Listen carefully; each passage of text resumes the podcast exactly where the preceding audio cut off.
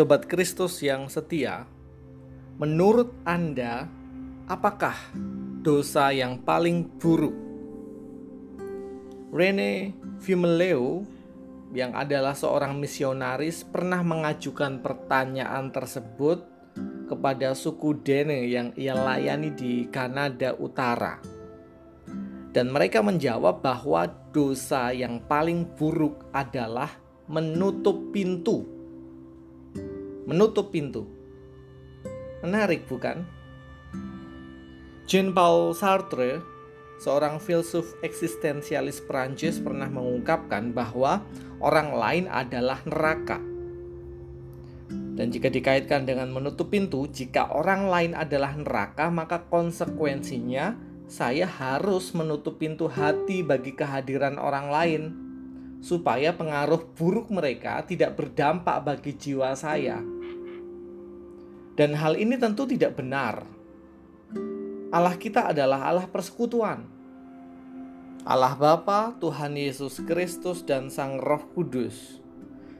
Dan persahabatan serta persekutuan yang diteladankan oleh Allah Tritunggal sebenarnya selalu menjadi jalan bagi perwujudan tanda-tanda kehadiran kerajaan Allah.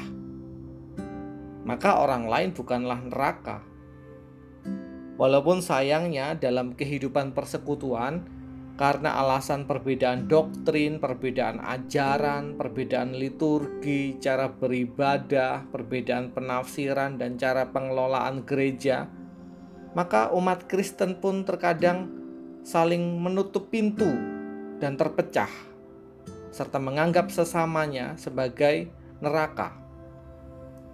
Bahkan pada kisaran tahun 1942 sampai 1945, GKJW pun pernah mengalami perpecahan.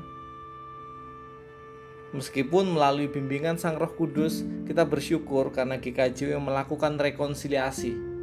Namun, bukan berarti bahwa ke depan sebagai gereja kita juga akan bebas begitu saja dari potensi perpecahan. Mengapa hal semacam itu dapat terjadi? Kita perlu menumbuhkan kesadaran, dan Injil membantu kita untuk menyadari melalui penjelasannya yang menarik. Sebab di dalam Injil terdapat dua kata terpisah yang merujuk pada kejahatan, yakni diabolos atau iblis dan satanas atau setan.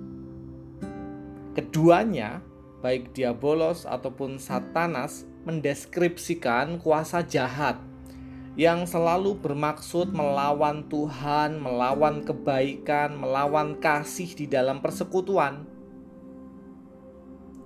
Jadi, iblis atau diabolos bekerja dengan cara memisahkan kita, memisahkan antara suami dengan istri, antara kakak dengan adik, anak dengan orang tua, antara rekan sepersekutuan, antara sesama pelayan. Dan dia bolos memecah belah persekutuan dengan cara menghembuskan iri hati, kecemburuan sosial, kebanggaan semu dan kebebasan yang palsu.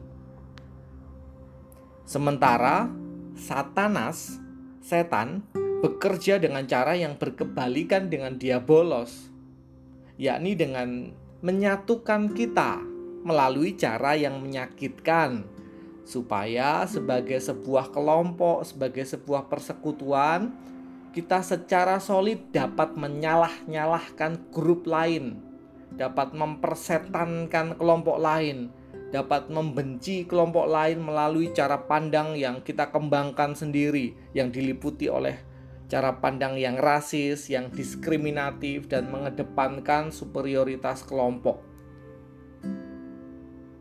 Sobat Kristus yang setia, walaupun pandemi membuat kita menjaga jarak, namun mari kita tidak menutup pintu hati bagi sesama. Lawanlah godaan untuk menjadi pribadi yang cuek, yang tak peduli kesusahan lian, dan perangilah kecenderungan kita untuk membenci Mari menolak kuasa jahat yang berusaha menarik kita supaya menjauh dari cinta Tuhan. dengan cara mari membuka pintu hati untuk cinta Tuhan yang pasti akan memampukan kita dalam mencintai sesama.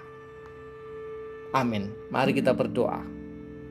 Maka Tuhan di tengah semua potensi perpecahan yang selalu hadir yang dihembuskan oleh diabolos dan satanas, oleh iblis dan setan, mampukanlah kami untuk menghadirkan kesadaran bukan dalam rangka menutup pintu tetapi membuka pintu hati supaya cinta Tuhan yang melingkupi kami dapat menguatkan kami untuk juga mencintai dan merengkuh sesama. Dalam nama Allah Bapa Tuhan Yesus Kristus dan Sang Roh Kudus. Amin.